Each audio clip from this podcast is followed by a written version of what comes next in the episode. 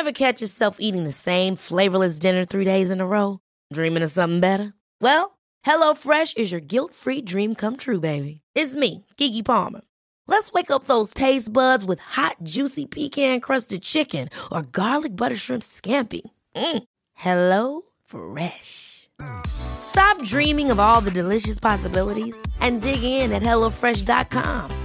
Let's get this dinner party started.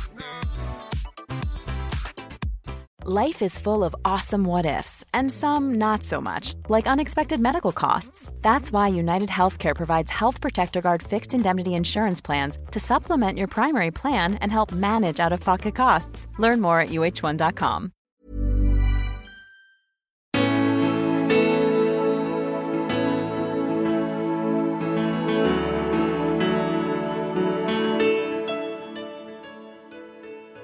Det finns vissa människor som har värdefulla nycklar. Och de nycklarna är väldigt viktiga att förvalta. Och de nycklarna har du fått, Bea. Och det är dags nu att liksom släppa den där skamryggsäcken. Den är väldigt tung att gå och bära på. Eh, och om du förvaltar de där nycklarna väl och ser dina erfarenheter som en kompetens. Både en kompetens att nå unga för att berätta de här berättelserna för unga, för att unga inte tror att de är ensamma om det de har varit med om. Men också berätta för politiker, för kungligheter, för tjänstemän, för näringslivet. Så kommer det göra nytta för vårt samhälle och du kommer vara med och bidra till en bättre värld.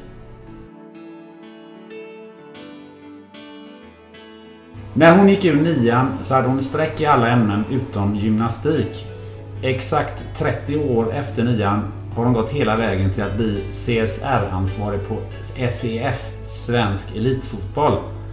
Eh, på vägen har hon utbildat sig till socialpedagog och behandlingspedagog, jobbat med ungdomar på frys Fryshuset och träffat både politiker och kungligheter av rang. Beatrice Clark, varmt välkommen till podden Spännande möte. Tack så jättemycket. Var det en okej presentation tycker du? Ja, det tycker jag. Absolut. Du tycker det? Det stämmer hyfsat in? ja, det gör det. Ja, härligt. Du, Beatrice eller Bea? Bea. Varför då? Ja, men när jag var liten, så när min mamma blev arg på mig, så var det Beatrice. Mm.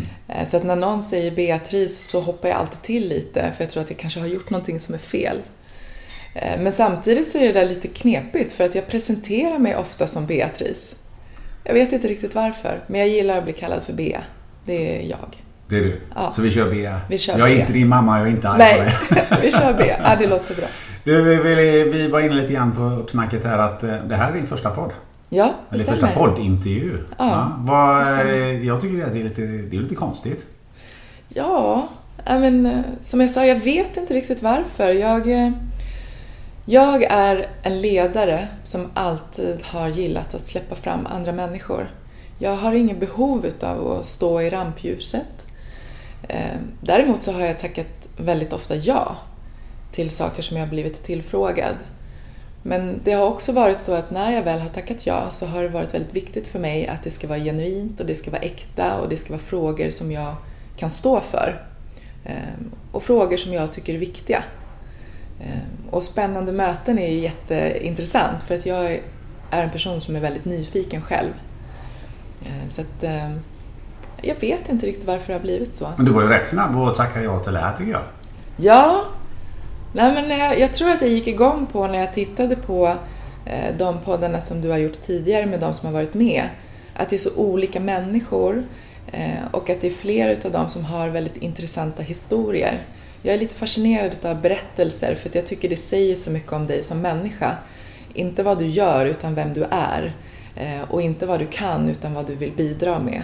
Eh, och alla sådana delar tycker jag är väldigt spännande. Det är väl lite så för att knyta an till eh, din egen bakgrund. eh, Blir att se den som ett problem eller att se den som en, som en möjlighet. Ja. För att, jag menar, om vi tar oss en bit tillbaka för 30 år sedan så ungefär. Så såg det inte direkt ut att du skulle bli ansvarig på svensk elitfotboll och, och, och har genomgått den, den karriären som vi ska komma tillbaka till lite grann eh, också. Men jag skulle vilja ta mig ytterligare ett steg eh, tillbaka till sådär eh, i början på 70-talet. Um, ehm, vad, vad var det för värld som du kom till då? Ja, jag föddes ju 1973. Eh, och eh, föddes in i en familj med eh, en mamma som hette Ingrid. Bakgrund från Tornedalen, samisk bakgrund, tornedalsk bakgrund, lite finsk bakgrund. Eh, växte upp där och flyttade ganska tidigt till Stockholm, Bondegatan. Eh, och med en, en pappa som, som kommer från Västindien.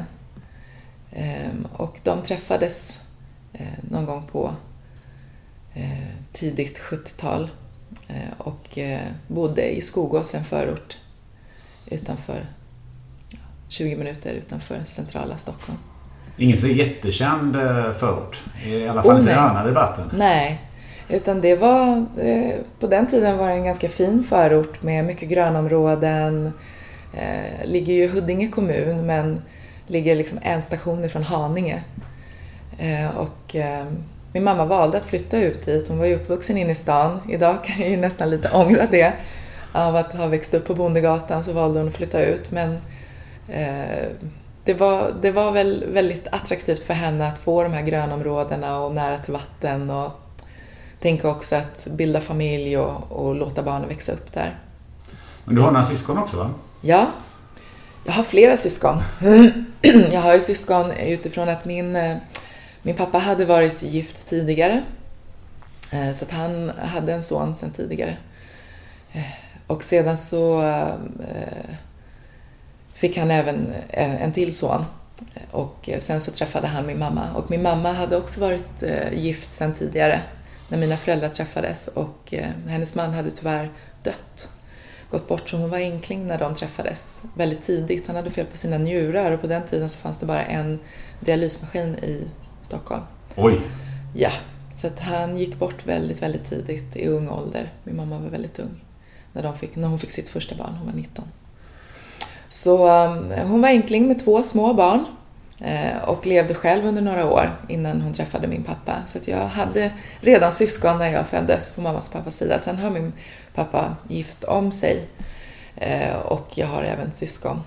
Men hur var den där tiden eh, de första åren i Ja, de första åren tänkte väl jag kanske att det var som i vilken annan familj som helst. Vi bodde ju på en gård med massor med ungar och vi skötte oss ganska mycket själv och Eh, jag tänkte kanske inte så mycket på att vår familj såg lite annorlunda ut än kanske andra familjer som bodde runt omkring.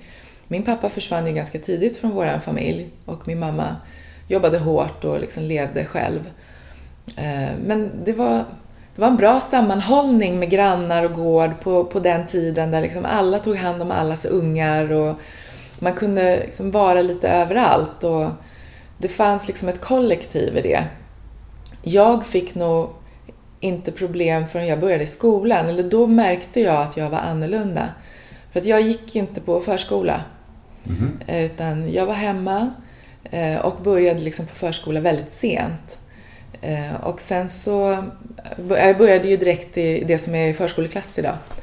Eh, och hade, hade svårt för liksom sammanhang med nya vuxna och vara i grupp och sitta still och lyssna och hade ju inte fått den lärdomen. Jag menar förskola idag är ju inte bara att unga ska leka och ha kul och, utan det är ju också förberedande för skola. Att man ska lära sig sociala koder, man ska lära sig vad andra vuxna säger och man ska lära sig gruppdynamik. Men bara för att komma tillbaka till det här, för du sa nyss att eh, ni var som lite som ett kollektiv och mm. ni var hos varandra och det var ändå ett, rätt många barn, för jag förstår, som, som du umgicks med. Ja. Även om du inte just var i förskolan. Nej. Ehm, så några sociala koder måste du ändå fått med dig? Ja, Ja men absolut, men på något sätt blev det som att direkt när man klev in i skolan så var det andra koder som gällde. Och de koderna hade inte jag lärt mig. Vad är det för koder? Ja men alltså hur du uppför dig och hur du sitter och lyssnar och... Eh, jag kände ganska direkt att jag inte hängde med. Att jag inte riktigt förstod eh, ämnena. Eh, att man också på förskola lär sig en massa förberedande för skola. Man jobbar ju liksom med alfabet och med lättare texter och eh, böcker. Och, alltså, skolan är ju en helt ny värld som öppnas och antingen så är det fantastiskt eh, och man blir väldigt nyfiken. Eller så blev man som mig, att jag tyckte bara att det var extremt jobbigt och jag förstod inte riktigt vad jag gjorde där. Eh, och det var inte riktigt någon som kunde förklara för mig. Och då blev jag jobbig att ha att göra med. Men eh, du sa nyss att eh, du trodde att din familj var som en, en vanlig familj. Ja. Det låter som att den inte var det. Nej, men sen, sen, förstod jag, sen förstod jag att min mamma hade eh, ett ganska destruktivt beteende där hon led ganska mycket av psykisk ohälsa. Utifrån att hon hade växt upp också med att inte veta vem hennes pappa var att hon kom till Stockholm och var ganska mobbad när hon kom. Eh, för att hon kunde ingen svenska. Hon kunde bara finska. Eh, och att eh, hon inte hade en manlig förebild när hon växte upp och hamnade ganska tidigt i dåliga relationer. Jag tror att den relationen som hon hade med min storebror och min stora systers pappa var nog den bästa relationen. Men han gick ju tyvärr bort väldigt tidigt. Eh, sen blev det väldigt dåliga relationer. Min pappa var ingen bra pappa. Jag har ju ingen annan pappa så jag har ingen att jämföra med men han var inte speciellt snäll. Eh, Vad, hur yttrade det sig? Nej, men han, han kom själv från en ganska trasig bakgrund där han växte upp med sin mamma och där pappan lämnade familjen väldigt tidigt och det kom in en styrpappa som inte var speciellt snäll mot min pappa och sen så tror jag att min pappa också fick väldigt mycket skuld från sin mamma att pappan hade lämnat familjen. Men det kom in en styrpappa som var elak eh, och som slog min pappa väldigt mycket och som, ja, som var elak. Så att min pappa utifrån eh, att han är, han är född i Guyana, brittiska Guyana i Sydamerika men har också vuxit upp på Trinidad Tobago. Så att han hade brittiskt pass. Eh, så att han drog till London ganska tidigt. Eh, så att jag förstår ju deras bakgrunder, vad de kom med eh, och har förstått alla de delarna. Men jag har fortfarande väldigt svårt att acceptera att man som vuxen fortsätter att eh, eh, föra det arvet vidare. Men är inte det ganska vanligt? Om det är jättevanligt. Det. Det, är, mm. det är jättevanligt. Men, men det är också vanligt att man bryter mönstren. Eh, och det har liksom varit en, en, en livsgärning för mig. Att eh, de mönstren ska inte föras vidare i mig eller i mina barn. Eh, jag tycker att det är ett vuxet ansvar att eh, bryta de mönstren. Så du växte upp eh, mestadels med din mamma då? Ja, det gjorde jag. Och hon hade också ett alkoholmissbruk. Hon drack väldigt mycket alkohol, fast inte hela tiden, utan hon gjorde det i perioder. Ehm, och även tabletter. Men framförallt den, den, den psykiska ohälsan utav att hon var ganska mycket ledsen och hade ganska mycket sorg.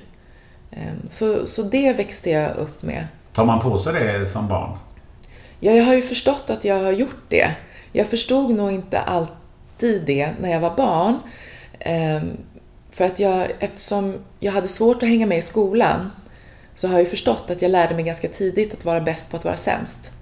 För att då fick jag i alla fall vara någonting. För att alla barn vill ju få sina basala behov tillgodosedda som att bli sedd, hörd, lyssnad på, att få vara i ett positivt sammanhang och framförallt känna sig älskad. Och gör du inte det, får du inte de behoven tillgodosedda, som vi alla människor behöver, då hittar du andra sammanhang att få de behova, behoven tillgodosedda. Och jag fann de behoven då i destruktiva sammanhang med andra barn som levde i samma situation som mig. Eh, men kan du beskriva lite hur, när du kom hem och du varit ute eller du varit eh, och, och på skolan och sådär. Vad, vad var det för miljö du kom hem till? men, eh, det, det kunde se ganska olika ut. Ehm, men, men framförallt så var det en känsla utav oro. Jag, brukade, jag brukar prata om det här stora svarta hålet som jag hade i min mage. Som många vuxna nog såg som aggression. Att jag var väldigt utåtagerande, att jag var jobbig att hantera, att jag var väldigt arg. Jag var inte arg. Jag tror att sorg och ilska, de två känslodelarna ligger väldigt nära varandra. jag var ju ledsen. Jag hade jättemycket sorg över att jag inte kände mig älskad. Så att, och samtidigt så hade jag väldigt mycket oro. Så att jag var nog väldigt stressad och orolig för hur det skulle se ut när jag kom hem. Var min mamma glad? Luktade hon konstigt? Var hon ledsen? Ehm, skulle vi äta mat tillsammans eller fick man fixa själv? Ehm, eller liksom utifrån att det är åtta år mellan mig och min stora syster och tolv år mellan mig och min storebror. Min storebror flyttade hemifrån väldigt tidigt. Och det var liksom jag och min stora syster. Och hon var också lite min mamma. Det var liksom hon och jag. Ehm, så att jag tror mer att det var oron över hur det skulle se ut mer än detaljerat om det låg liksom spritflaskor eller om eh, hon var redlös. Eller, för så var det inte. Utan det var mer att man klev in i ett hem som var väldigt mycket sorg. Eh, och den känslan var inget bra. Och det var nog därför jag också fann den här gården med alla ungar och eh, det här kollektivet som en överlevnadsstrategi. Att jag gick hem, käkade eh, eller gick direkt ut och kom hem och käkade och gick ut igen. Eh, så att jag var ute med mina kompisar jämt och ständigt. Men din bror han var alltså 12 år äldre än vad du var. Vem, vem var mm. han? Ja, men han han var en eh, liten själ som var tre år när hans pappa dog och hade också varit hemma väldigt mycket med sin pappa eh, och ehm, då mamma jobbade eh, och eh, tog liksom hans död. Han var ju väldigt liten men blev ju förkrossad och ehm, fick det också väldigt tufft och hamnade ganska tidigt med, med kompisar som, och det här var ju liksom tidigt 70-tal, så att han hamnade ju liksom med kompisar som ville testa saker. Och det kom liksom boom med, med, med droger till Sverige och man skulle testa och det var liksom lite hippie och wild. Ja, så. Så att eh, han testade nog på en del eh, och eh, mådde nog ganska dåligt under sin tonårsperiod och kände sig nog också ganska ensam och hade inte heller någon manlig förebild och vi vet ju att det är väldigt viktigt med förebilder. Eh, och eh, eh hade det ganska tufft under den perioden, under de tonåren, Eh, där han testade och eh, körde på ganska hårt med, med droger. Eh, som han fantastiskt nog kom bort ifrån, ganska snabbt faktiskt. Han höll inte på med det speciellt länge. Det var några tuffa år där, där han har vänner som både fastnade i missbruk och som, som också dog av missbruk väldigt tidigt. Men han hade inte heller några bra betyg från skolan. Eh, men kom in i arbete ganska tidigt och med människor som trodde på honom. Och människor som såg att han liksom var talangfull. Eh, och har jobbat, jobbat, jobbat och jobbat sig upp. Liksom.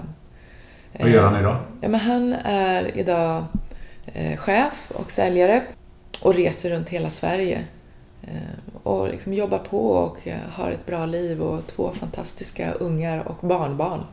Och ja. blev också fotbollstränare. Det är fantastiskt. Eh, för jag har läst mig till någon story eller hört någon mm. story där du i ganska tidig ålder fick stifta bekantskap med Sergels torg. Ja, det stämmer. Men det... Jag tror att det var liksom en strategi för att inte mamma skulle få reda på någonting. Om jag ska åka in till stan och eh, handla någonting och samtidigt inhandlade liksom, droger. Eh, och tar jag med mig Bea så eh, är det liksom en ursäkt för att det inte är några knasigheter på gång här. Eh, och det är ju en story som jag brukar berätta och den, det handlar inte om att måla ut min bror. För att han lever ett bra liv idag och jag tror att många unga människor eh, söker eh, och vissa hamnar i destruktiva sammanhang och vissa gör det inte. Och det är ganska lätt och det är en balansgång vilka som gör och vilka som inte gör. Och det är såklart, har man vuxit upp i en familj som vi har så är det lättare att hamna där. Så det handlar absolut inte om att måla, in, eller måla ut honom för att han är en fantastisk människa som jag älskar över allt annat.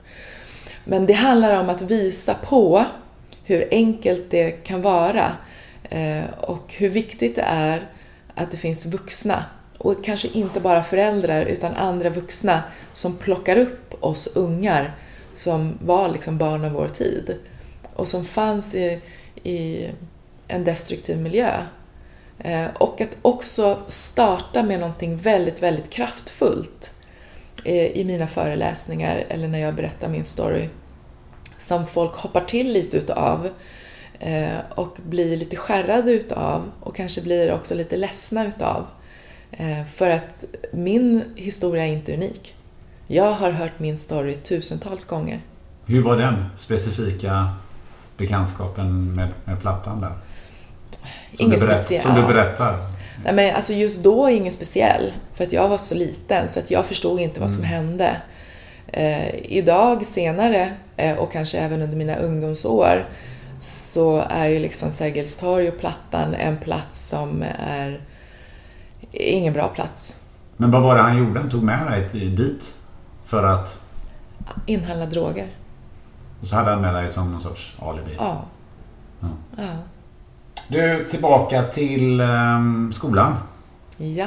Men det gick ändå ganska hyggligt i början va? Ja, men alltså jag, ja, det gick hyggligt i början för jag hade en fantastisk klassföreståndare som såg mig och bekräftade mig och eh, i lågstadiet så var vi också omhullnad utav en fantastisk skog. Skolan låg liksom i ett fint område och det var väldigt roligt och de första åren i skolan är ju väldigt mycket på lek. Att lära sig i lek och sen ju äldre jag blev och ju, ju mer ämnen som kom in i skolan och mer allvar och betyg eh, så funkade det inte för mig. Eh, och alla ungar är ju olika och vi har ju en skola idag som är liksom in i, in i ledet. Eh, och jag eh, funkade inte att ta in information och lära mig på samma sätt som alla andra. Eh, och då förstörde jag istället. Jag störde mina klasser och störde mina lektioner och störde för mina klasskamrater och för lärarna. Eh, och såg till att bli bäst på att vara sämst, för att i alla fall vara någonting. Så när jag kom upp i högstadiet så hade jag ju, jag gick i åttan, så hade jag liksom inga betyg. Eh, och eh, fick ganska ofta vara, och det började egentligen tidigare, att jag ganska ofta fick vara på möten och gå igenom det jag hade ställt till med.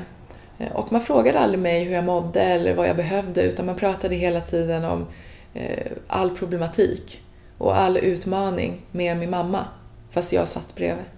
Och det där har stört mig enormt mycket. Och det har stört mig när jag har arbetat själv också med barn och unga för att det ser väldigt mycket lika ut idag, tyvärr. Är det så ofta att vuxna pratar över huvudet på barn? Ja, så är det.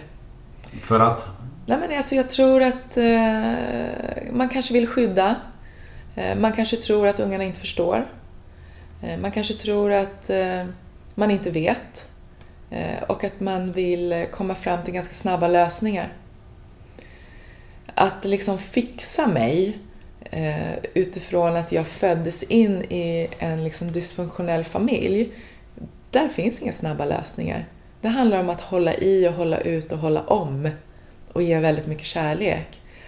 Och när man också har vuxit upp med att eh, skapa överlevnadsstrategier, då vet man lösningarna. För att kan du ställa till problem, då har du också problemets lösning. Men om du inte involverar barnet eller ungdomen i att vara en del av lösningen, då var det lite som att skita i för mig. Då slutade jag lyssna och så ställde jag till ännu mer problem istället. För det där var ju en, eh, ett sätt, eller en överlevnadsstrategi, just att ställa till problem. Ja, ja men det är ju oftast ett rop på hjälp. Att liksom se mig, hör mig, lyssna på mig, sätt mig i ett sammanhang där jag bara får vara någonting, där jag får vara med alla vill ju vara med, alla vill ju vara i positiva sammanhang. Och om du inte får det, då förstör du den festen istället. Alltså för mig är det inte um, rock and science. Det är ganska enkelt. Eh, men vi gör det så himla komplext och svårt. När jag har mött unga över hela Sverige så vill de bara ha positiva sammanhang och vuxna förebilder. Sen är det såklart om du har levt utanför väldigt länge eh, och byggt på massa problematik och kanske också en del beteendemönster och tankemönster som är väldigt destruktiva, då behövs det mer insatser. Men det behövs fortfarande positiva sammanhang och vuxna förebilder. Det är vad alla unga säger som jag har träffat under 20 år. över hela Sverige. Så det är inte unikt och det är inte rock and science, men vi, vi vill skapa extrema lösningar och vi komplexiterar saker och ting. Hur var det med din etniska bakgrund? Um, för jag tänker att du, detta var ju på 80-talet. Mm. Um, och då var det kanske inte så vanligt att vi hade människor från många olika delar av världen i, i mm. våra skolor. Hur um, reagerade man på det? Eller fick du några utmaningar eller det där? Ja, men faktiskt inte alls överhuvudtaget. För att jag gick i en skola där vi hade, vi hade ganska mycket jag hade mycket eh, klasskompisar som hade kommit, deras föräldrar hade kommit från Turkiet. Det var liksom arbetsmarknad, eller ar, arbetsmarknad. Eh, arbetskraftsinvandring. Arbetskraftsinvandring. Mm. Så att jag hade många klasskompisar som hade kommit från Turkiet, från Grekland. Jag eh, hade börjat komma lite från Gambia. Så att vi var ganska blandade. Jag hade många, framförallt från Turkiet.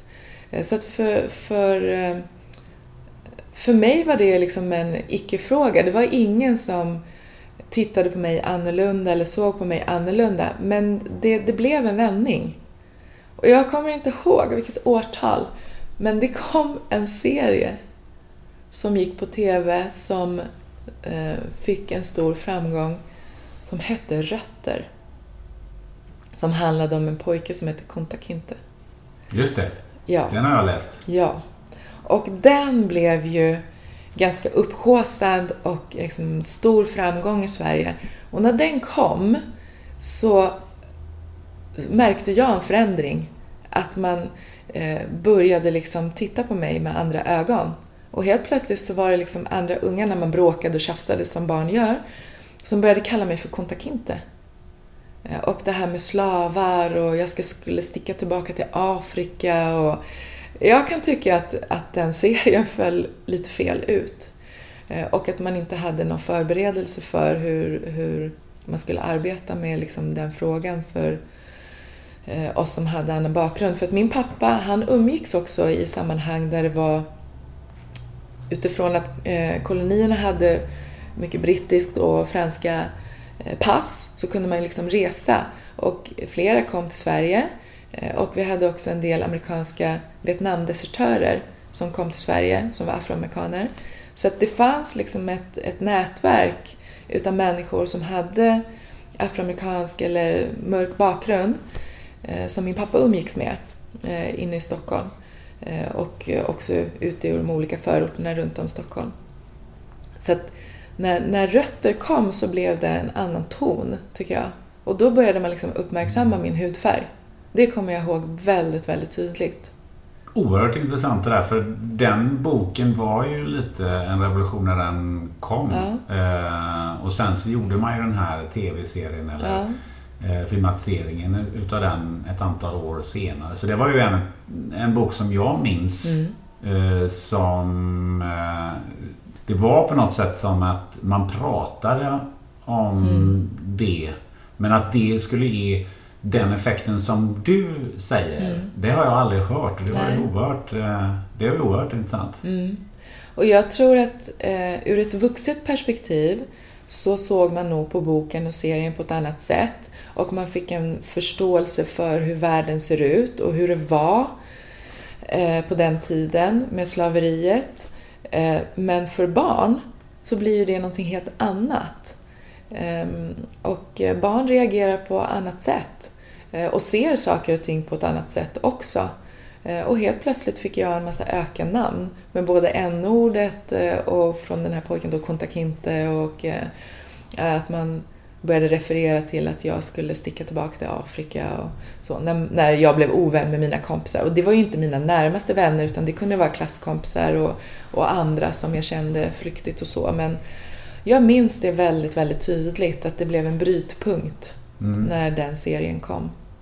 Om vi går tillbaka till, till nian eller till högstadiet där. Men det fanns ju ändå ett ämne som du var grym i och som du hade ett jättebra betyg. Ja. Och det var? Idrott. Idrott, vad kom det sig? Jag, eh, jag var, väldigt tidigt så blev också idrotten en överlevnadsstrategi för mig. Jag började med friidrott när jag var sju år gammal. Eh, och fick ganska, ganska tidigt klart för mig att jag var duktig att jag var väldigt snabb ehm, och hade lätt för att lära mig eh, och ta till mig instruktioner. Och jag vet inte om idrottsledare, eller det vet jag ju. Jag vet att idrottsledare har ett annat ledarskap, helt enkelt. Eh, och där fick jag liksom andra, jag fick förebilder och jag fick vara i ett positivt sammanhang. Eh, och jag fick öva på någonting som jag var bra på. Och det är ju jätteviktigt för självkänsla och för självförtroende såklart. Eh, så att det blev liksom naturligt att idrott var ett bra ämne för mig, även i skolan. För det var någonting som jag var bra på. Det, det var inget konstigt. Men framförallt så fick jag en idrottslärare som såg mig. Och som förstärkte det? Som förstärkte det. Och det är faktiskt en fascinerande historia i sig för att han var också professionell fotbollsspelare. Mm, det var så du första gången kom i kontakt med fotbollen? Ja. Eh, eller, jag, jag har ju, alltså, mina syskon, både min stora syster och min storebror och en storebror på pappas sida spelade ju fotboll. Så att jag kom i kontakt med fotbollen väldigt tidigt, men jag valde friidrott. Eh, men, men han var professionell fotbollsspelare och började jobba som idrottslärare på min skola. Och det var fascinerande att han byggde extra relation till mig. Eh, och sa ganska tidigt till mig att eh, alla är bra på någonting B. Och du har det också. Du måste bara hitta din inre drivkraft. Och jag hör vad alla andra lärare säger och jag ser vad du utsätter dig för och vilka situationer du hamnar i. Här får du bara vara B. Eh, och helt plötsligt så, så dömde inte han mig, eller det var en vuxen som inte dömde mig, eh, och jag fick vara i ett positivt sammanhang. Vilket också gjorde att jag utvecklades. Ehm, och bara kunde vara lugn i att inte behöva ställa till problem. Utan fick vara en i gänget och att han, han lyfte mina positiva egenskaper som jag inte trodde fanns. Men han sa att de fanns och då trodde jag på honom. Men du, det finns inte så himla många professionella fotbollsspelare. Vem var denna fantastiska gympalärare? Kenta Olsson. Kenta Olsson. Hammarby. Mm. Ett inte helt okänt namn. Absolut inte. Ikon. Eh, och jag har ju förstått att eh, han eh, har gjort det här med väldigt många barn och unga. Och jag har också berättat för honom eh, om hur viktig han var för mig eh, i, i skolan. Och när jag jobbade på Fryshuset de sista två åren så hade jag ett uppdrag för svensk elitfotboll att jobba med svensk elitfotbolls värdegrund. Och då träffade jag alla spelarna i alla klubbar under två år. Och när jag var i en stor allsvensk klubb så kom en fystränare fram till mig efteråt och var väldigt berörd. Han hade tårar i ögonen och så sa han till mig att det Kenta gjorde för dig när du växte upp, det gör han för min son idag. Så jag har ju förstått att han under senare år var väldigt kopplad till Hökarängen och eh, fotbollsinriktning som fanns mm. där på skolan och eh, fortsatte att jobba med de här strulungarna som behövde det här lilla extra. Och eh, har påverkat tusentals barn och unga med sin bror också. Fantastiskt. Ja, fantastiskt. Och jag är väldigt noga med att alltid berätta vem han är. För att våra förebilder lämnar avtryck på oss och vi måste berätta berättelsen mm. om våra förebilder. Och jag tycker också att det är viktigt att lyfta honom. Så att jag brukar alltid berätta om honom och också vem han är. Eh, för att ehm, jag märker ju idag i mitt ledarskap, både utifrån de 20 åren jag var på Fryshuset men också i svensk elitfotboll, att de egenskaperna som han gav till mig mm. har jag fört vidare i mitt ledarskap. Så att våra förebilder de lämnar väldigt starka avtryck på oss och det är viktigt att vi berättar om dem för att också föra det arvet vidare. Härligt, men eh, med streck i alla ämnen utom eh, då idrott ja. Ehm, så gick det inte att komma in på gymnasiet. Nej, det gjorde Nej. det inte. Vad, vad gjorde du sen då? Nej, men jag, eh, jag höll på med min friidrott fram tills jag var 15-16 tyvärr. Jag hade haft en del skador. Eh, men var fortfarande väldigt, väldigt duktig, bland de bästa i Sverige. Eh, men valde att sluta. Jag fick kontakt med fotomodellens värld. Mm. Min bror jobbade, min storebror, som jag har vuxit upp med på min mammas sida, jobbade för ett klädföretag. Och de skulle ställa ut på en modemässa och hade inte riktigt råd att anlita liksom, professionella fotomodeller. De var ganska nya på marknaden och han frågade mig så här, men du kan väl ställa upp Bea? Ja, kan jag väl göra. Tjäna lite extra pengar. Och när jag var på den modemässan på Älvsjö, som var liksom årets största i Sverige händelse för modebranschen, så kom alla agenturer och frågade om jag hade en agentur. Det hade jag inte. Och helt plötsligt hade jag en agentur och fick liksom kontakt med eh, hela världens agenturer. Eh, och träffade ganska snabbt en stor ikon som hette Eileen Ford. Eh, och eh, träffade dem på Grand Hotel när jag var 16, skulle fylla 16. Och de ville flyga över mig till New York. Och det gjorde jag inte till en början utan jag var där vid ett tillfälle men sen så började jag jobba en del ute i Europa men jobbade framförallt väldigt mycket i Sverige och i Norden. Eh, men, hade, och, men har också jobbat i, i Japan eh, och i Mexiko. Eh, så att modellandet har jag jobbat med men har också jobbat med en del artister. För att jag tyckte om att dansa, har liksom ingen dansutbildning utan var liksom självlärd. Var väldigt mycket ute på klubbar och dansade och hängde med alla dansare. Eh, och fick ett erbjudande från en artist som var väldigt stor på 80-talet och 90, framförallt 90-talet i, i Sverige som hette Pandora. Gjorde liksom europop, inte alls min genre utan musik, men hon behövde dansare. Och jag fick en förfrågan att jobba med henne. Så vi reste runt hela världen med henne också. Så att, eh, jag kom i kontakt med andra branscher eh, och där behövde jag ingen utbildning. Eh, så jag hoppade på det tåget. Eh, men jobbade också, min mamma och min morbror hade blomsteraffär. Eh, så att jag jobbade också en del i blomsteraffär.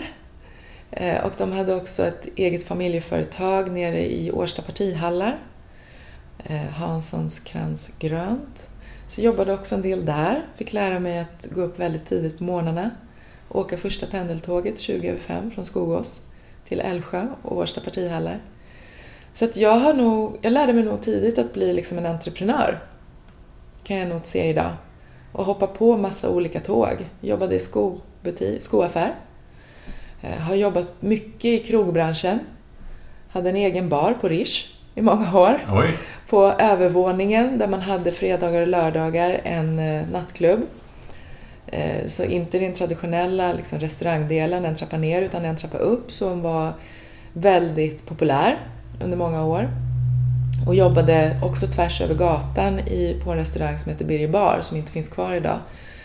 Ehm, så att jag hoppade liksom på massa erbjudanden eh, och lärde mig massa olika branscher. Från krogbranschen till blomsteraffär, till skoaffär, till modellyrket, till artist... Eh, artistyrket med dansen. Och... Men jag tänker på den bakgrunden som du har med, med ett missbruksförhållande hemma och en bror som i alla fall då under en period när han var ung eh, hade ett missbruksproblem. Mm. Och sen så hamnade du i modellbranschen, krogbranschen. Um, har du reflekterat över att du aldrig hamnade i, i någon sorts droghantering eller drogberoende? Mm. Hur kommer det sig? Det, jag har reflekterat jättemycket över det. Jag tror att jag... Eh...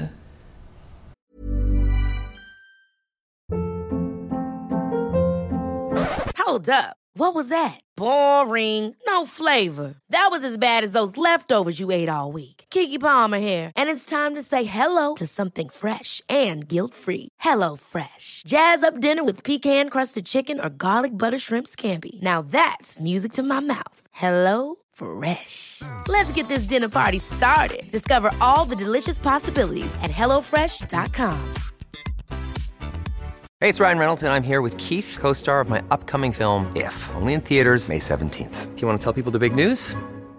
All right, I'll do it. Sign up now and you'll get unlimited for $15 a month in six months of Paramount Plus Essential Plan on us. Mintmobile.com slash switch. Upfront payment of $45 equivalent to $15 per month. Unlimited over 40 gigabytes per month. Face lower speeds. Videos at 480p. Active Mint customers by 531.24 get six months of Paramount Plus Essential Plan. Auto renews after six months. Offer ends May 31st, 2024. Separate Paramount Plus registration required. Terms and conditions apply if rated PG.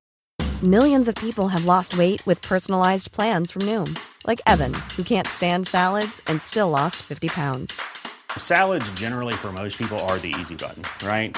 For me, that wasn't an option. I never really was a salad guy. That's just not who I am. But Noom worked for me. Get your personalized plan today at Noom.com. Real Noom user compensated to provide their story. In four weeks, the typical Noom user can expect to lose one to two pounds per week. Individual results may vary. Har varit alldeles för rädd för att testa för att jag tror att jag kanske hade gillat det alldeles för mycket. Till att jag, eh, när man växer upp i en sån familj så tar man på sig olika roller. Eh, och min roll har varit väldigt mycket att ha kontroll. Jag behöver ha kontroll över min mamma, jag behöver ha kontroll på situationen, jag behöver ha kontroll på alla runt omkring eh, och jag behöver fixa. Jag behöver se till att saker och ting funkar. Men samtidigt så var ju du den som förstörde för andra. Ja, fast jag hade kontroll på det också. Okej. Okay. Så att det, det är liksom strategier som jag har byggt, som jag har vänt till positiva sammanhang idag, som är en styrka för mig idag. Som var eh, en dålig egenskap för mig då. Men, Fast ändå bra eftersom ja, absolut. efter det som gjorde att du inte hamnade i ja. För det, det, skulle ju kännas ganska naturligt ja. om man ska uttrycka sig på det sättet. Ja. Men att naturligt att du hamnar i, på ett eller annat sätt hamnar i dåligt ja. sällskap.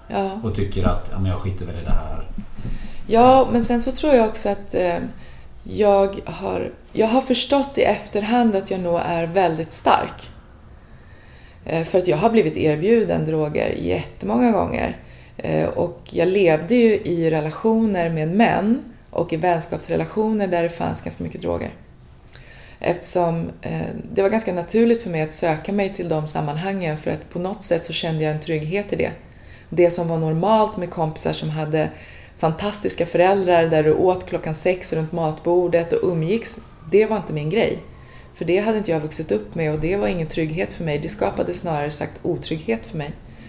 Så att jag var ju hela tiden i relationer med både vänner och män som eller pojkvänner som, som, där det var väldigt destruktivt hela tiden när jag var ung. Ehm, men jag har aldrig varit intresserad utav att testa. Men jag har lyssnat en hel del till, till ehm, eh, personer eh, i andra poddar som, som har varit i den här destruktiva världen, eller kriminella och sådär. Det finns ju en del poddar eh, som handlar om detta. Och gemensamt för dem är ju att i de här kretsarna så var man inte accepterad om man inte höll på med droger, om man inte höll på med kokain eller om man inte höll på med brott eller vad det nu Mm. var för någonting. Hur kunde det komma sig att du var accepterad bland de här människorna Mm. fast du aldrig själv eh, gick in på, på att testa droger? Jag tog ju hand om alla andra. Alltså jag, jag var den som såg till att saker och ting funkar. Jag har också alltid varit en pojkflicka. Så att jag har alltid haft killkompisar. Jag har haft ganska svårt att föra mig i kvinnliga sammanhang. Jag har aldrig känt mig hemma där, förutom med min stora syster, men det var ju en annan relation. Eh, och det kanske också har med min mamma att göra, förmodligen. Men jag har alltid haft väldigt svårt att, vara i kvinnliga sammanhang. Eh, däremot så har jag haft väldigt enkelt med att alltid jobba med killar och att ha kvinnliga, eller killkompisar. Så att jag funkade på, jag blev liksom accepterad på något sätt. Eh, och hade ju alltid kontroll. Jag tog alltid hand om de här killarna. Jag tog alltid hand om eh, deras mående eh, och såg till att saker och ting funkade för att jag hade sån superkontroll eh, på saker och ting. Så att eh, jag vet inte om det kanske... eh, Nej, jag ska inte säga att det är en myt utifrån att du har träffat många som signalerar, men jag var ju också kvinna i det sammanhanget. Så att jag tror att om jag hade varit man och levt eh, i kriminella kretsar och inte hållit på med droger och inte hållit på med det ena eller det andra, då kanske jag inte hade blivit accepterad. Så kan man Så. säga just det här mellantinget att du in, inte hade så lätt att, umgås där med, med tjejer och jobba med tjejer. Men samtidigt var du tjej i killkretsen så killarna kunde liksom inte köra den här killgrejen. Nej. Är du, eh, du dum eller häng med nu? Nej. Så här. Utan du var tjej och då, accepter, Ja. då respekterade man det kanske på, ett- på ett Ja. annorlunda sätt då. Ja, och man vill också, alltså de, de killarna som jag levde med då, de vill eh, skydda mig också. Jag tror att många killar också vill inte att deras tjejer, eller i det här fallet också tjejkompis som jag också var, de vill inte att de ska hålla på med det som de själva gör. Okej. Eh, Så att eh, vi, vi, vi var inte liksom pojkvän och flickvän eller tjejkompis och killkompis som knarkade tillsammans. Men tillbaka till att din, din karriär då med, med både modellandet, dansandet, resande över hela världen, eh, krogbranschen. Eh, varför fortsatte du inte där?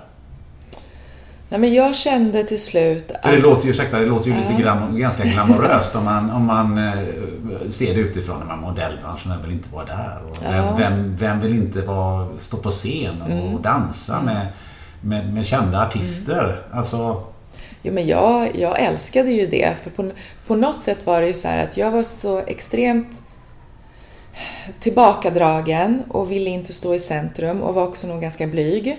Eh, och var inte speciellt social.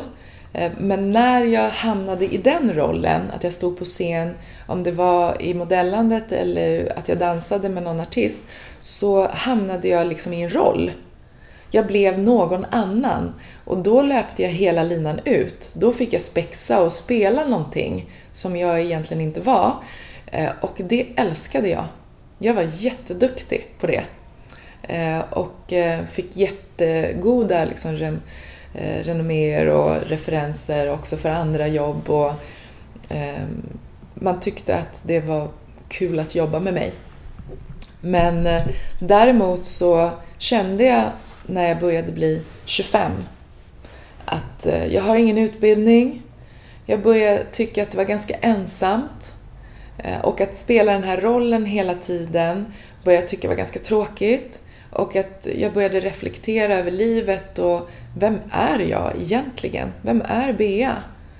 Eh, utifrån hur jag hade växt upp och hur jag hade levt och där jag var där och då kände jag så att det, den här sorgen började liksom komma tillbaka över att jag kände att jag inte hade någonting.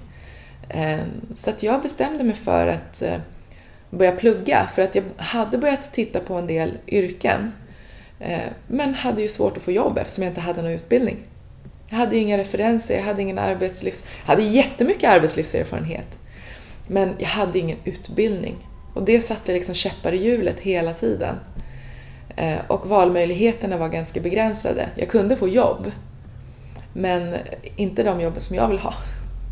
Men du valde ändå inte att gå eh, åt, åt, åt scenhållet till alltså att arbeta inom det området, att utbilda dig inom dansen eller mm. inom, inom de delarna, utan du valde ju något annat. Ja. Eh, jag, eh, jag kände att jag var färdig. Jag hade nog kunnat göra det också. Eh, att fortsätta och vara någon del utav någon utav de branscherna. Eller börja jobba med, med, med branscherna också. Men jag kände att jag var klar. Jag tyckte att det var för ytligt. Jag, jag kände att jag hade ett djup som jag inte riktigt kunde sätta fingret på vad det stod för. Men jag kände att jag, jag behövde göra någonting helt annat. Eh, och jag kände en stark längtan efter eh, att få den här bekräftelsen att faktiskt fixa skolan. Eh, och ändå försöka och se att är jag så dum som jag kände mig när jag gick i skolan eller kan jag klara av att faktiskt plugga och få betyg? Kände du dig att det saknades en klangbotten då? Om du jobb, hade de här jobben och eh, men innerst inne kände dig som du sa, du kände dig lite dum för att du inte hade någon utbildning. Var det, var det den biten som Ja. kom ikapp dig på något sätt? Ja, den kom ikapp mig. Och jag vet inte, på julafton när man tittar på eh, alla de här tecknade filmerna som går på Kalle Ankas jul så finns det en snutt i en julklappsfabrik där det är en docka som kommer ut och får den här kvalitetsstämpeln i rumpan. Just det. det kände jag att jag inte hade. Jag kände att jag inte hade den här kvalitetsstämpeln. Eh, att jag eh, eh, saknade den, att jag kände mig dum över att jag inte hade utbildning. Ehm. Känner du att det var en stor fördel att du är glad idag för att det kom ikapp dig ändå så pass tidigt? För jag har ju upplevt människor som känner detta när de är 46 eller 56. Att de saknar det. Och då blir det ju lite svårare när man har så att säga mer målat in sig i ett hörn och, och, och har kanske massa åtaganden och familj och, och, och ekonomiska åtaganden och så vidare. Men att mm. man känner att man, har tappat, att man ändå inte har den där botten. Ja men eh, i efterhand så kan jag känna så här, varför kom jag inte på det här tidigare? Snarare. För att det hade, det hade eh, gjort att jag hade jag hade så mycket smärta och sorg inom mig. Så jag tror att om jag hade kommit på det tidigare så hade jag kunnat få en massa fler år med glädje. Eh, så att det kände jag nog direkt efteråt. Men jag, reflektionen är nog att jag hade inte kunnat göra det tidigare. För att det handlar ju om ett motivationsfönster. När jag har jobbat med barn och unga så kan du inte, du kan inte påverka någon som inte är motiverad. Och du kan inte påverka någon om inte motivationsfönstret är öppet. Och mitt motivationsfönster var inte öppet förrän jag var 25. Och när motivationsfönstret öppnades, det är då du behöver agera. Eh, och det var då jag agerade på mig själv. Så att reflektionen är att jag hade inte kunnat göra det tidigare, för att jag var inte öppen. Mitt motivationsfönster var inte öppet. Eh, men jag hade önskat att det hade öppnats tidigare. För det hade gjort att jag hade kunnat få fler år utan smärta och sorg. Men hur påverkade denna utbildning som du gick? För du gick ju gymnasiet och, eh, ja. och, sen, så, och sen gick du vidare och utbildade Men hur kommer det sig att den utbildningen vill säga, mm, förändrar livet så mycket så att du blev av med den här smärtan? Hur, hur eh, ser den korrelationen ut? Ja, men alltså, dels så handlade det ju om att jag hamnade ju då, jag var på en, en eh, utbildningsmässa eh, för eftergymnasial utbildning eh, och om man skulle läsa upp då gymnasiet. Och då kom jag i kontakt med Fryshuset. Det var bara en slump att jag hamnade på Fryshuset. Eh, de fångade in mig i sin monter på den här mässan som var på Münchenbryggeriet. Eh, och jag gick igång på hur de pratade med mig. Eh, och att de var nyfikna, att de också hade, de hade det var kunskapslyftet då. Eh, så att jag fick ett helt paket. Jag behövde inte gå på komvux och plocka ihop alla delar själv, utan jag fick ett helt paket med en treårig linje som jag skulle läsa in på två år. Eh, och jag fick hela utbildningen med alla ämnen och kunde dessutom välja till en massa ämnen som idéhistoria, kulturhistoria, rättskunskap, kriminologi, sociologi. Eh, och det väckte nyfikenhet i mig. Jag visste inte att jag var intresserad av de ämnena då, men det väckte ändå nyfiken i mig, nyfikenheten i mig att jag fick ett helt paket och kunde välja till en massa olika delar.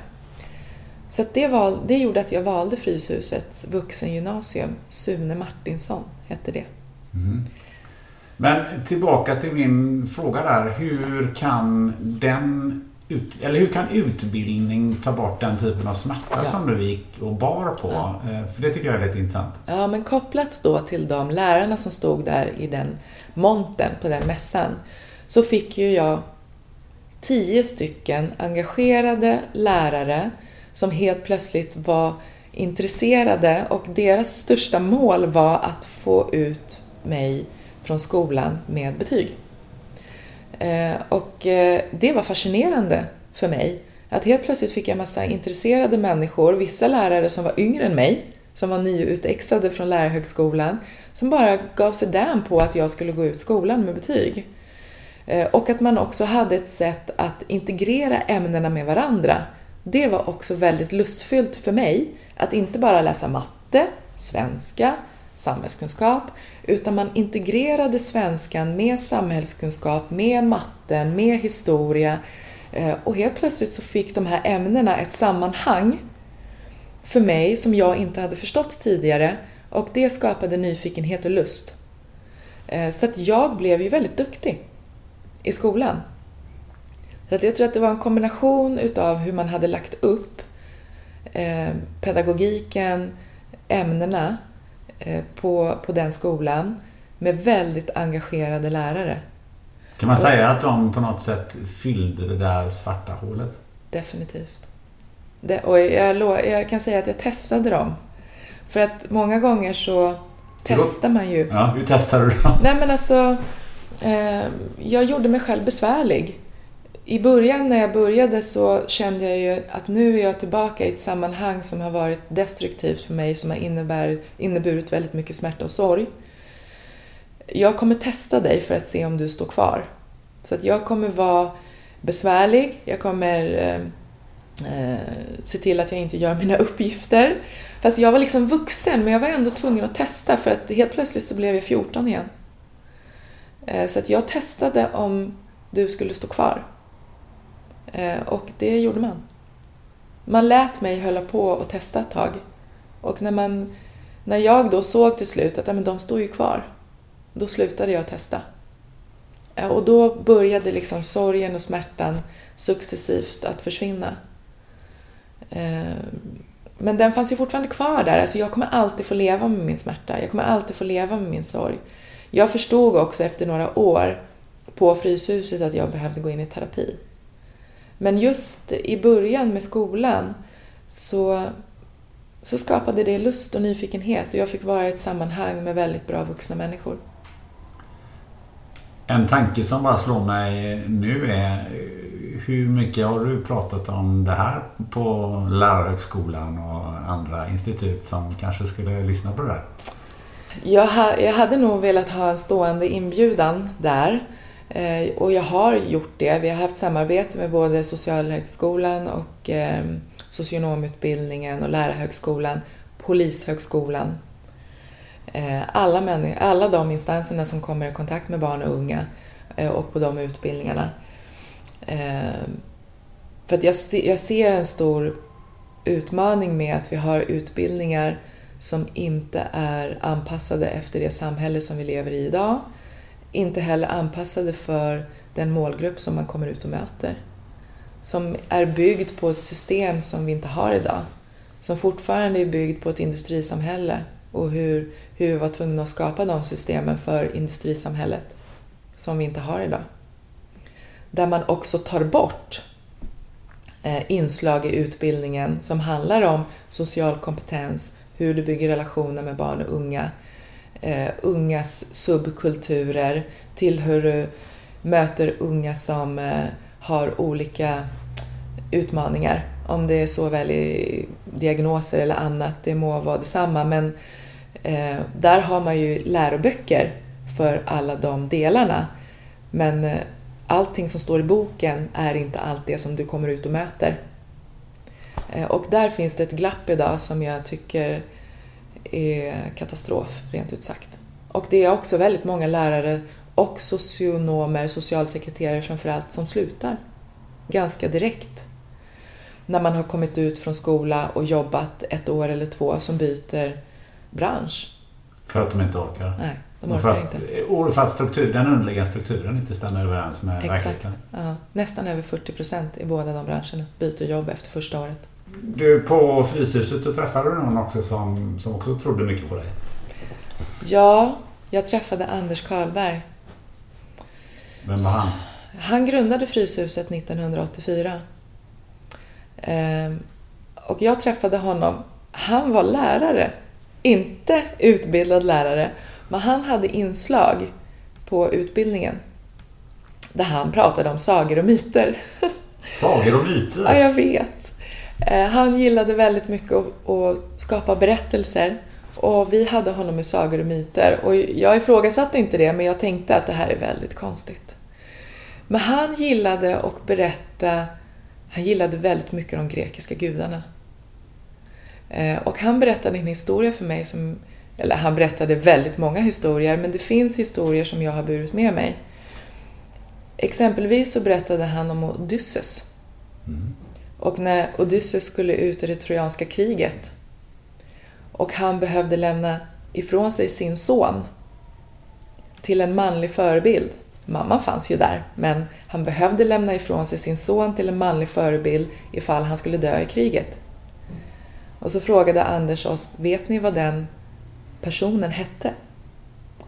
Nej, svarade ju vi. Nej, den personen hette mentor. Och de här historierna har jag burit med mig för att jag tror att det finns ett sammanhang. Jag tror att vi hittar inte på saker, vi är inte speciellt uppfinningsrika. Det är Einstein och vissa andra som uppfinner saker.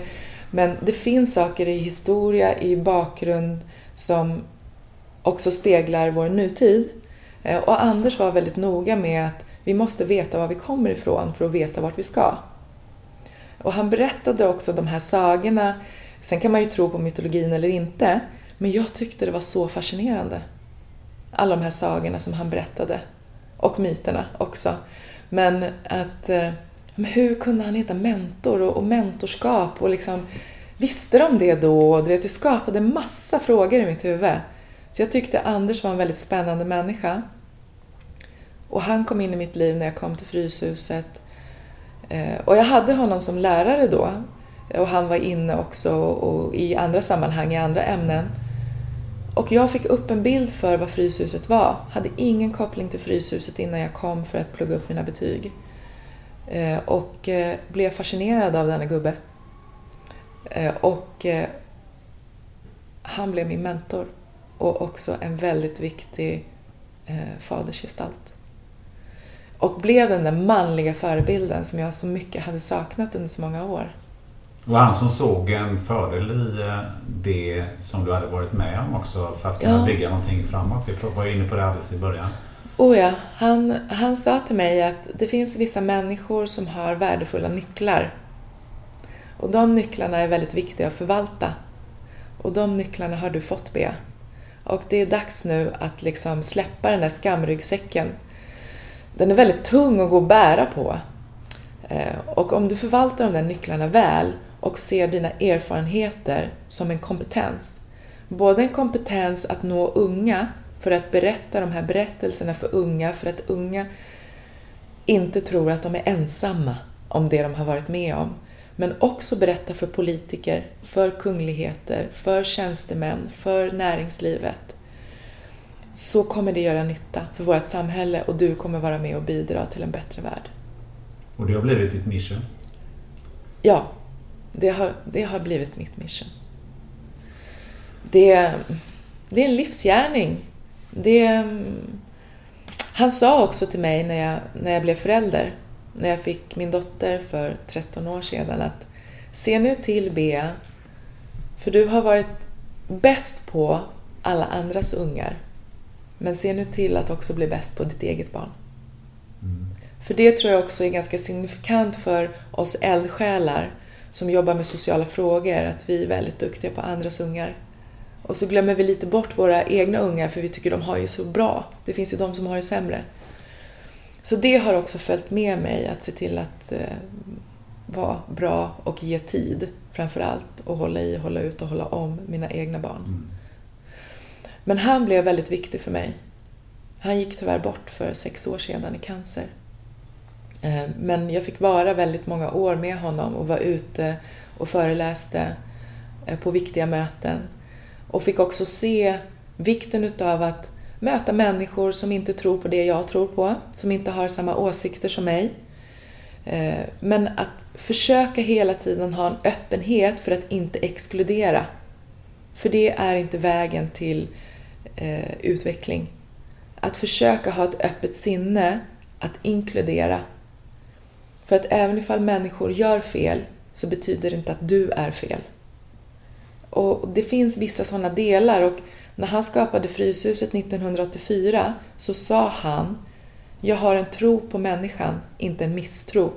Det innebär inte att jag är naiv och tror alla om gott.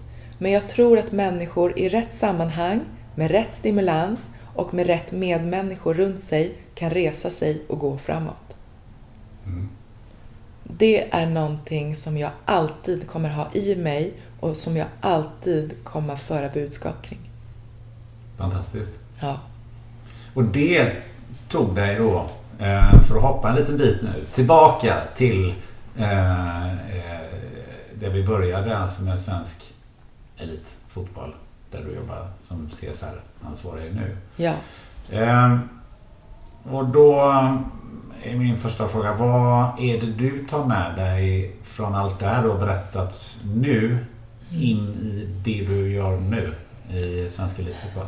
Ja, men min resa med svensk elitfotboll började egentligen 2015 då jag fick ett uppdrag att träffa alla klubbarna kring eh, svensk elitfotbolls uppförandekod och jobba med en värdegrundsutbildning. För svensk elitfotbolls uppförandekod är ett dokument som alla klubbarna signar på som berättar om vad vi står för, vilka vi är, att vi vill skapa trygga och säkra idrottsevenemang, att vi har respekt för spelet, för domarna, för våra supportrar, för eh, alla som finns runt vår fotboll.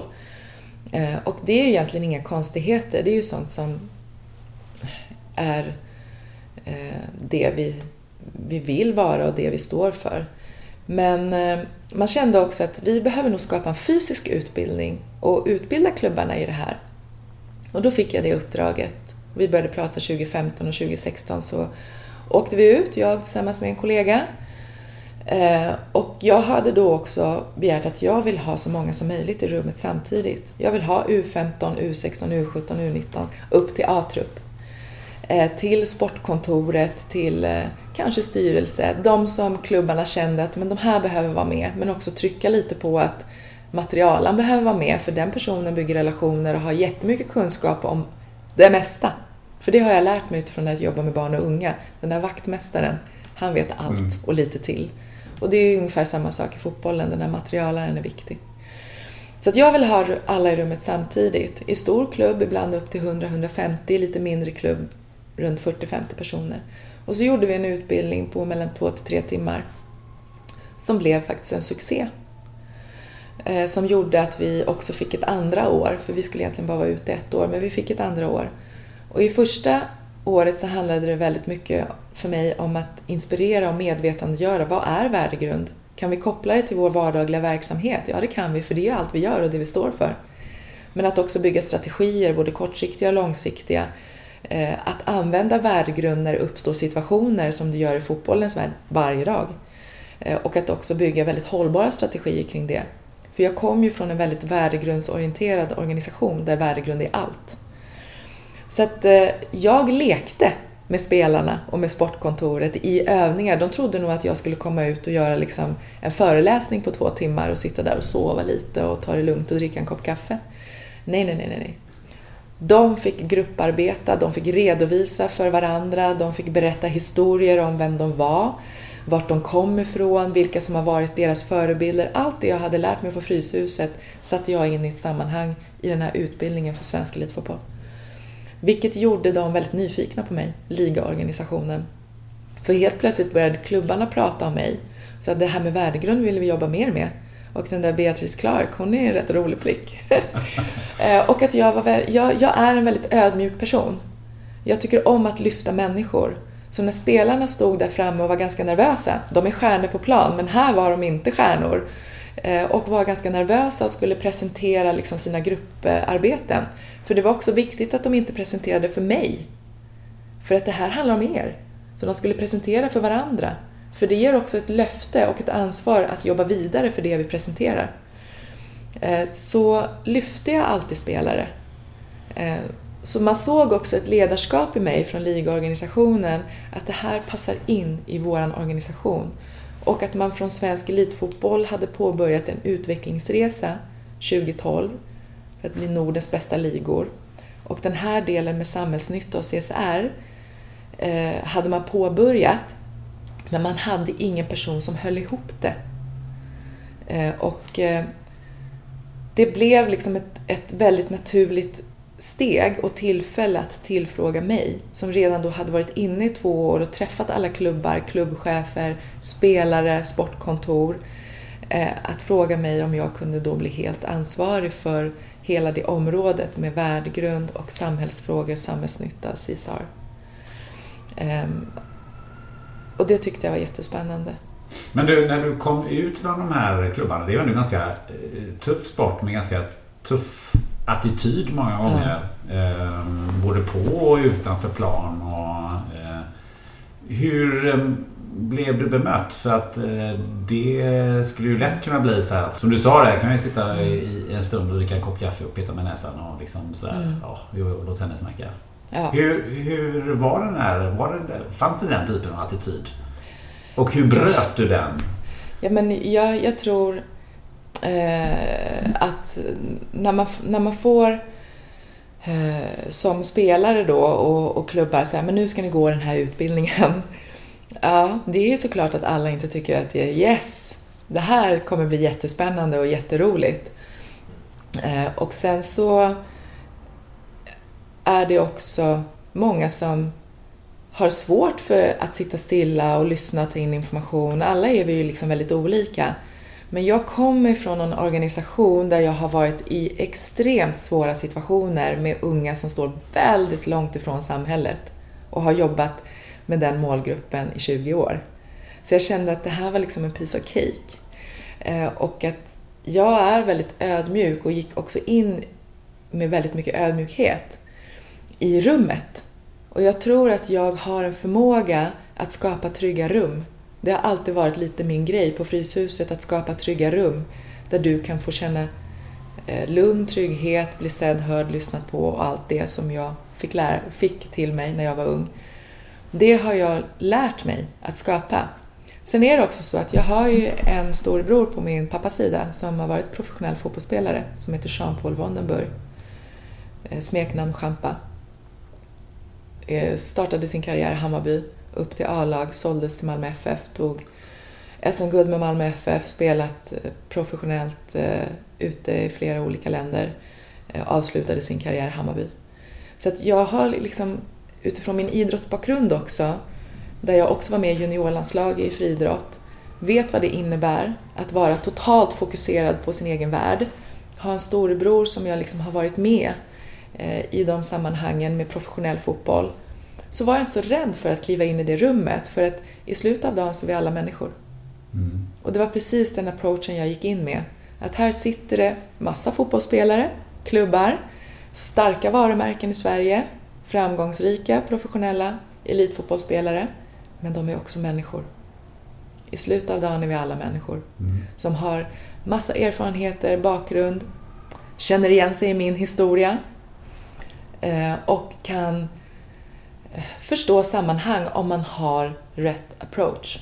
Vad är det ni, du konkret vill åstadkomma från det att ni har, om man säger lite fysiskt, kommit in i det där rummet till att ni går ut ur det där rummet? Jag förstår ju att ni inte förändrar världen på två, mm. tre timmar men, men eh, i grunden, vad är det för någonting ni vill åstadkomma ute hos föreningarna? Vad är det de ska tycka, tänka och agera eh, utifrån? Och vad, vad, ska det utmynna i eh, som vi alla sen kan se? Flera olika delar. Dels att förstå att våra varumärken i våra fotbollsklubbar är extremt starka förebilder. Vi pratar alltså om spelarna som varumärken, alltså personerna? Eller ja, menar men, du föreningsvarumärkena? Ja, men föreningsvarumärket är ju extremt starkt. Mm. Oftast är ju klubben staden, eller mm. stadsdelen eller mm. kommunen.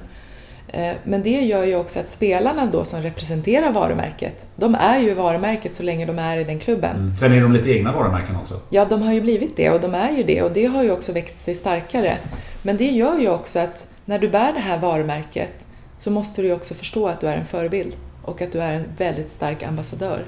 Det betyder att du behöver förstå att en del situationer ger väldigt negativa konsekvenser. Eh, och att första året handlade ju väldigt mycket om att inspirera och medvetandegöra. För att jag vill inte komma med massa pekpinnar utan jag har alltid haft ett ledarskap där jag vill att du ska förstå själv. För pekpinnarna förstår de och de förstår, vi är medvetna om att om jag gör en handling som är negativ så kommer det få konsekvenser. Det förstår vi alla människor. Men, men däremot så är vi ju känslomänniskor och jag brukar ofta säga att den längsta halvmetern är mellan huvudet och hjärtat. Och det är väldigt svårt att få ihop de här delarna när du är i en het situation. För då kommer du inte agera med ditt huvud, du kommer agera med ditt hjärta. Men man kan träna på det. Och det betyder inte att vi ska ta bort passionen eller temperamentet, utan det betyder att vi behöver ta ansvar för vissa situationer, för att det skadar oss så mycket. Eh, och där behöver vi träna på att få ihop de där delarna och tänka 10 sekunder innan vi agerar med vårt hjärta. Vi måste få upp den där känslan i huvudet. Kan, vi... kan, du ge några exempel på situationer där du tycker att... Eh... Ja, men det, det, när, jag kan ta situationer som har kommit upp som, som faktiskt spelarna och klubbarna själva har lyft. Det, det är väldigt mycket eh, situationer kring eh, matcher. När, när kanske domaren gör ett felaktigt domslut, tycker man själv. Eller när en spelare får en tackling som man tycker är väldigt oschysst. Eh, eller det händer någonting uppe på läktaren som får liksom konsekvenser på plan. Eh, eller det uppstår en situation med en spelare som kanske får lämna klubben. Eller det kommer in en ny tränare eller det får lämna en tränare. Eller en träningssituation där lagkamrater blir ovänner med varandra. Eller det finns grupperingar. Jag menar, våra, våra klubbar är ju också som... Det är ju, det är ju för våra spelare ett arbete också. Det här är ju deras arbetsplats. Eh, och den arbetsplatsen ser inte väldigt mycket annorlunda ut från andra arbetsplatser. Så att de här situationerna uppstår också på en vanlig arbetsplats i ett vanligt företag. Eh, så att, men våra spelare är ju så stora förebilder för så många Eh, och på ett annat sätt och vi är också idrotten och idrotten och föreningslivet är ju extremt fint. Och det ska vi ju vara väldigt rädda om. Så att vi behöver ta ansvar för situationer som uppstår. Eh, och där har jag ju pratat väldigt mycket om att du kan tycka att den här frisparkssituationen var för jäklig och att det var den andra personens fel. Men domaren har dömt den här situationen som domaren har dömt. Om du står kvar och tjafsar, då sänder du också ut signaler till dina lagkamrater och till läktaren vilket eh, kan få konsekvenser och som inte är någon bra situation för att det tar också bort energin från, eh, från laget i liksom matchen. Där du behöver fokusera på annat. Så att det vi vill att man ska göra, för man får ju också ge exempel på hur skulle vi kunna förändra den här situationen. Ja, du behöver resa på dig och eh, springa hem och ställa dig på rätt sida boll. Eh, och förmedla till dina lagkamrater att ja, nu blev det det här domslutet. Det kanske inte var korrekt, eller så var det korrekt, men jag behöver förmedla att jag är en förebild till mina lagkamrater och till våra supportrar. Så jag behöver springa hem och ställa mig på rätt sida boll och fortsätta matchen. En sak jag funderar på. Eh, det finns ju de som gillar att det ska finnas en konflikt. Alltså, jag tänker på Eh, finns det inga konflikter, händer det ingenting, ja, då finns det inte så mycket att skriva om. Eller så mycket mm. att rapportera om. Eller eh, visa på TV i sju mm. vinklar mm. om vad som hände. Och sådär. Ehm, för det finns ju en del som, som triggar, det kan både vara publik eh, och media, tänker på i första hand där. Som, som på något sätt vill ställa sig i den här konfliktsituationen för att bygga upp någonting som är spänning som består av den onde och den gode. Ja. Den, den, den vackra och den fule och, mm. och så vidare. Um, hur ska man hantera det i det här sammanhanget? Jag, jag tror ju inte att det är så svårt fast det är komplext. För ibland så är det enklaste det svåraste. Jag tror att idag vi lever i en värld som är väldigt polariserad eh, och ganska hemsk på ett sätt.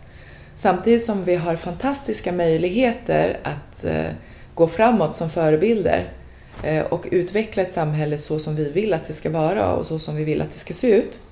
Men det kräver liksom hårt arbete. Och jag tror att det som sker idag med att man vill skapa den onde och den gode och att man vill skapa sensationsnyheter med konflikter och att man pratar väldigt mycket om när någon har gjort någonting fult, att det liksom blir en grej som man spinner vidare på.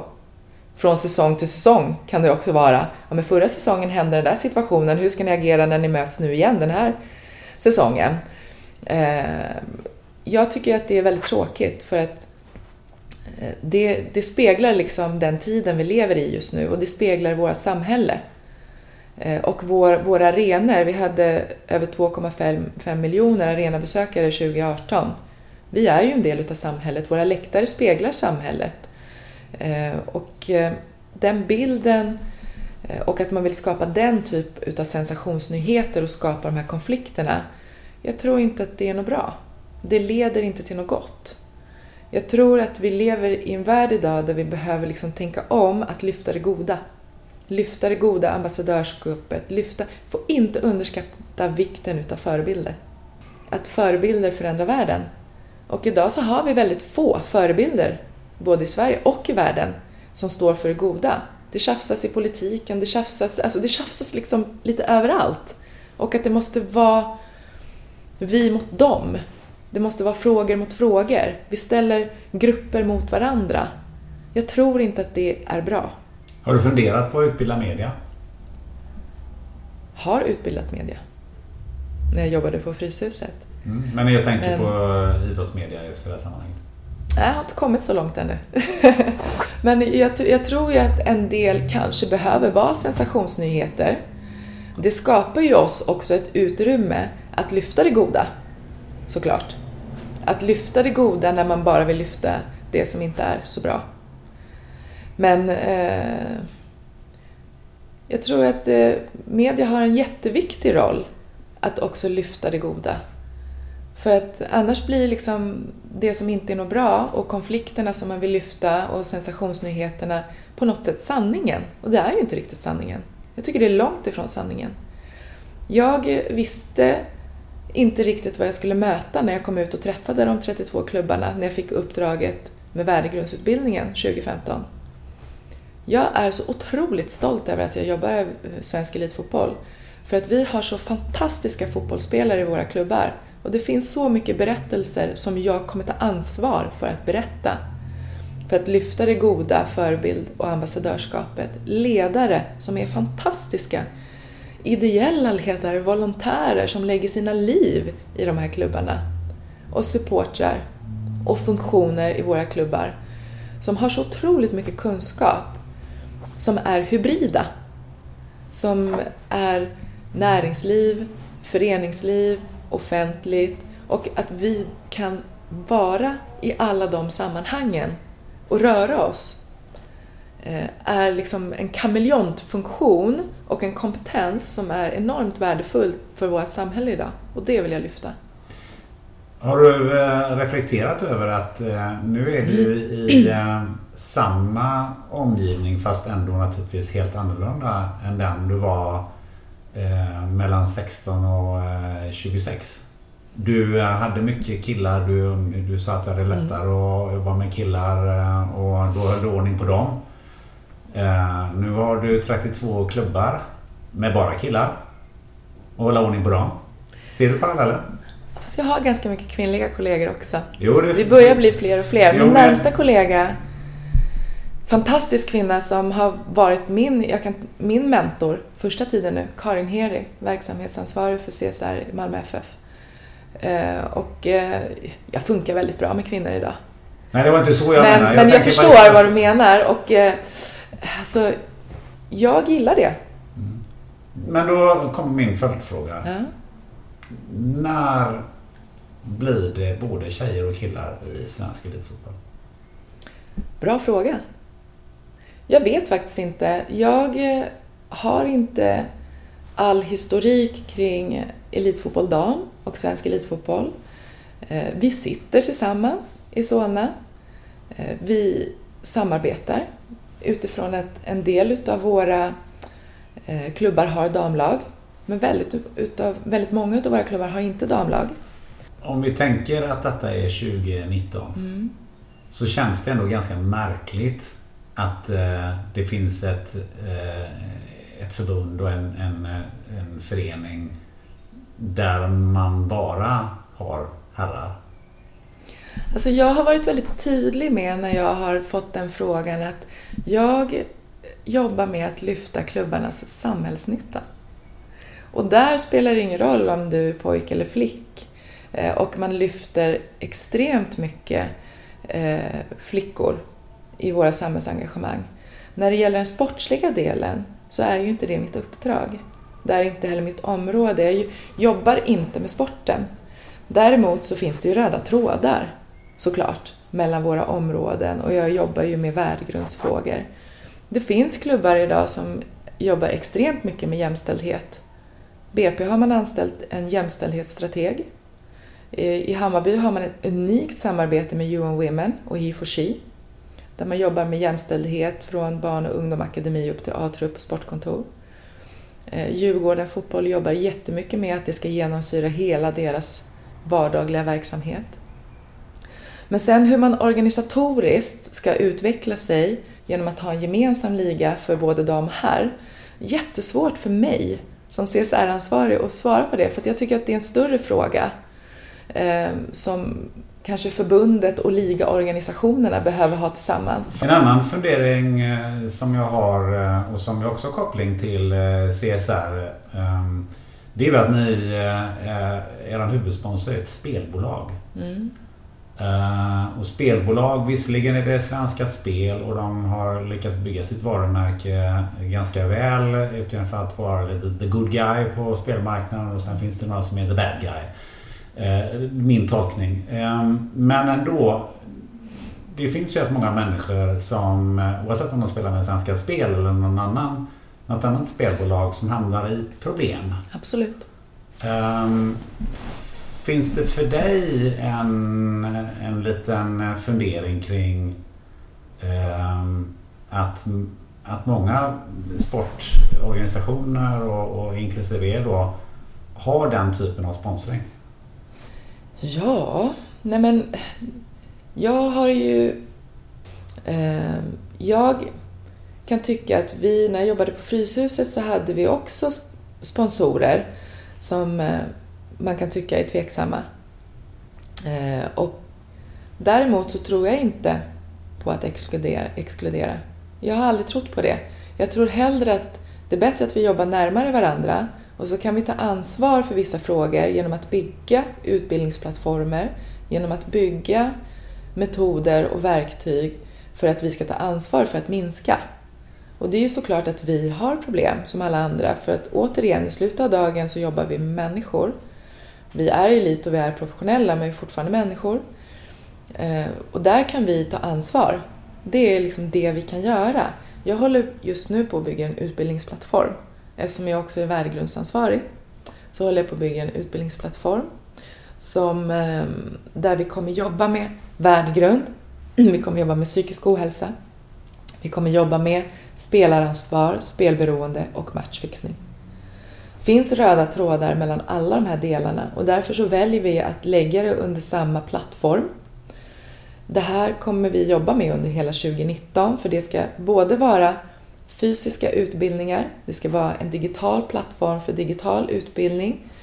Och vi kommer jobba mer från eh, akademierna från U15 upp till A-trupp till sportkontor för ledare och tränare. Vi gör det tillsammans med Karolinska institutet med enhet för psykiatrin, för spelberoende och eh, psykisk ohälsa för att vi också vill få forskningen på det. De gör också inventeringen med alla klubbarna och alla spelarna för att få tillgång till material för att kunna bygga utbildningspaketen. Eh, så att vi har de samarbetspartnerserna som vi har. Och nu har vi Svenska Spel och vi har haft eh, dem sedan 30-talet. Eh, och de är ju också sponsor till väldigt mycket idrott. De har också finansierat hela mitt CSR-arbete. Så att jag tror att eh, vi har mycket utmaningar med spel eh, och det är en psykisk ohälsa som såklart oroar oss eh, och som, oro, som är en oro för hela vårt samhälle. Ehm, när man har ett samhälle som inte mår så bra och framförallt unga som inte mår så bra så vill man hitta snabba kickar och där är ju spel en del utav det. Eh, och fotbollen är ju spel så att det blir väldigt enkelt att spela det vi kan göra är att ta ansvar, att bygga den här typen av plattform eh, och få finansieringen och stödet då från spelbolaget. Eh, att ta ansvar för att göra det tillsammans med oss. Eh, om vi tittar lite framåt då. Mm. Om du har jobbat i fem år som Mm. CSR-ansvarig på CF. Var står ni då? Ja, men det är roligt att du frågar det för att jag har ju satt en femårsstrategi. Ja, det låter som gamla ryska femårsplaner men jag vet ju att man får vara mer agil än så. Men jag tänker Ja. ändå, om man gör en utblick, vart, vart hän eh, skulle du önska att du står? Ja, men jag önskar att vi eh, har en heltids CSR-ansvarig i varje klubb i Superettan och Allsvenskan. Att vi har byggt strategier eh, där vi är tydliga med vårt budskap och kommunicerar ut det. Att vi har synliggjort allt vi gör, för det är det vi har börjat göra nu. Klubbarna har inte varit speciellt bra på det. Och det är också för att man inte har haft strategierna eller alltid de som jobbar med det eh, dedikerat på heltid. Att vi har fått ett genomslag eh, med offentlig verksamhet. Att vi kanske blir en, en mer part utifrån att vi är det civila samhället, det är förening-idéburna, Eh, att vi är en nyckel att räkna med. Att man har med oss i dialogen, i mötena, att vi är en naturlig del att samarbeta med. Eh, Ut, utöver de kritade linjerna, alltså utanför de kritade linjerna. Men ser vi någon skillnad på läktaren, på plan och i omklädningsrummet? Hur ser det ut? Ja, men det, det tror jag. Och jag tycker att det är stor skillnad redan nu. Eh, från när jag började 2015 till jag har klivit in till det jag ser idag. Eh, jag tycker att eh, vi eh, är på väg någonstans som är väldigt, väldigt spännande. Jag tycker att vi har läktare som är fantastiska. Jag tycker att vi har situationer och beteenden som vi inte står för, men att det är en väldigt liten del som får oerhört onödigt mycket uppmärksamhet eh, medialt för att man väljer att fokusera på det, det här med sensationsnyheter. Där vi har väldigt stor skara supportrar som sköter sig. Eh, som går på fotboll för att man älskar fotboll. Där vi har en liten klick utav ett beteende som vi inte står för. Den måste vi jobba mer med. Vi måste ta mer ansvar för den eh, lilla delen och vi måste bygga mer strategier kring det. Och det har jag massa idéer på tillsammans med mina kollegor på Svensk Elitfotboll att göra.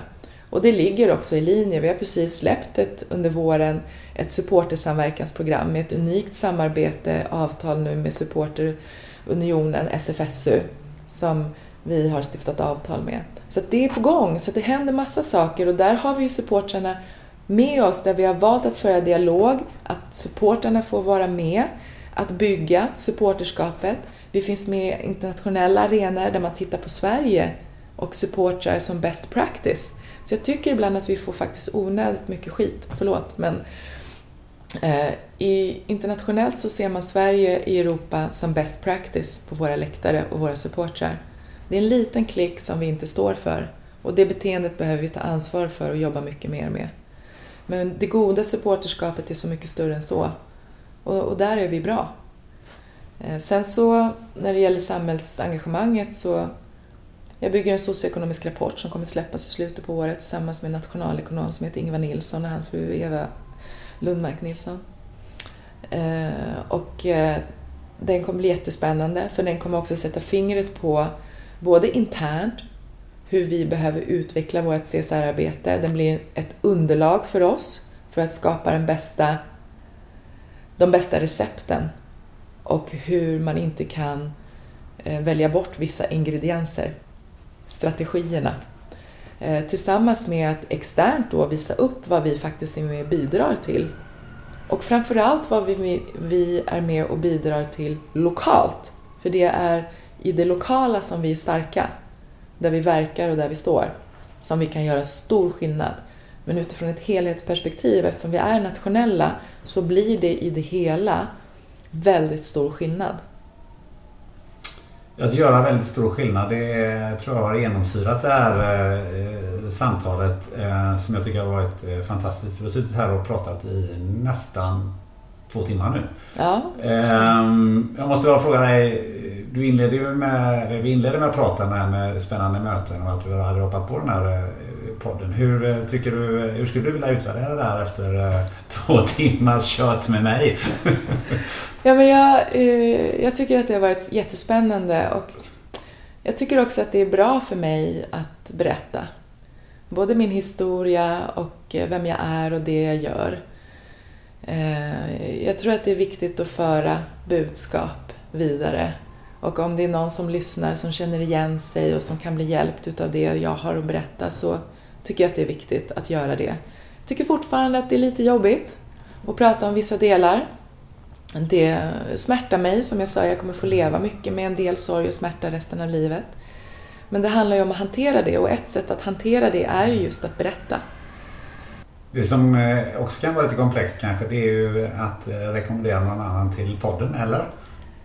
Vem skulle ja, du vilja ha här? Ja, men jag har tänkt på den frågan Ja. jättemycket för att jag har ju träffat enormt mycket förebilder Mm. genom eh, mitt liv, eh, med mitt livsuppdrag eh, som att jobba med samhällsfrågor.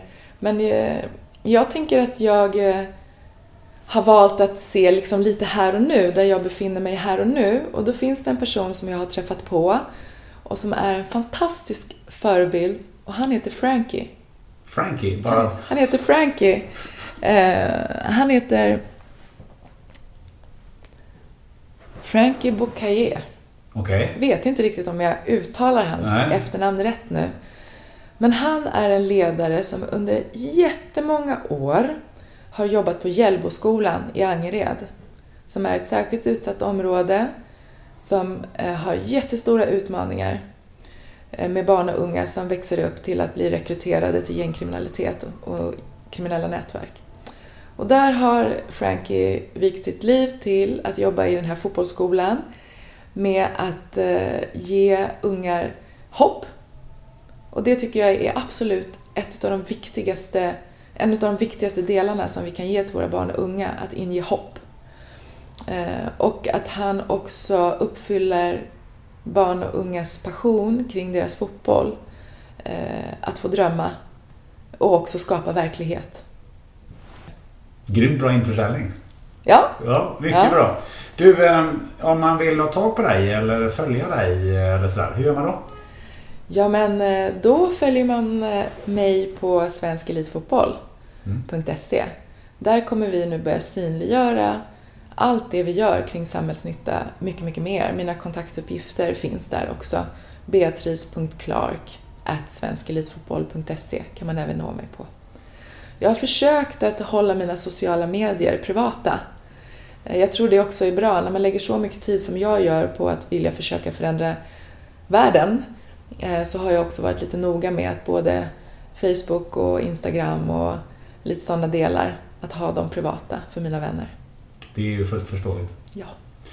Beatrice Clark, så varit så fantastiskt att få prata med dig eh, här i podden och tack så hemskt mycket för att du ville gästa Spännande möte. Tack så jättemycket för att jag fick vara med.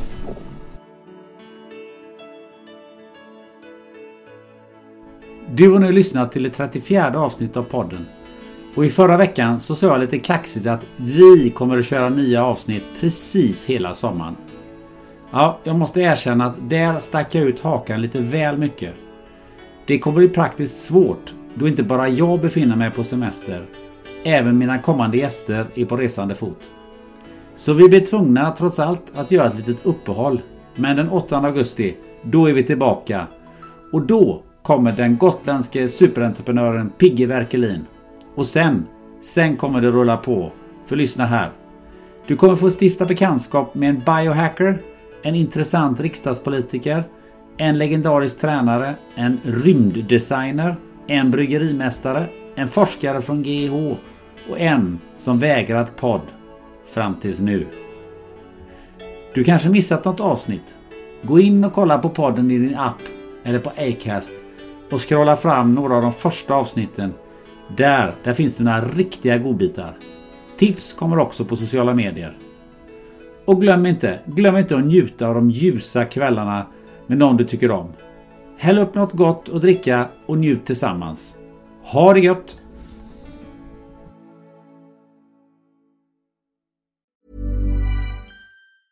Ever catch yourself eating the same flavorless dinner three days in a row? Dreaming of something better? Well, HelloFresh is your guilt-free dream come true, baby. It's me, Gigi Palmer. Let's wake up those taste buds with hot, juicy pecan-crusted chicken or garlic butter shrimp scampi. Mm. Hello Fresh. Stop dreaming of all the delicious possibilities and dig in at HelloFresh.com. Let's get this dinner party started. Hi, I'm Daniel, founder of Pretty Litter. Cats and cat owners deserve better than any old fashioned litter. That's why I teamed up with scientists and veterinarians to create Pretty Litter. Its innovative crystal formula has superior odor control and weighs up to 80% less than clay litter. Pretty Litter even monitors health by changing colors to help detect early signs of potential illness. It's the world's smartest kitty litter.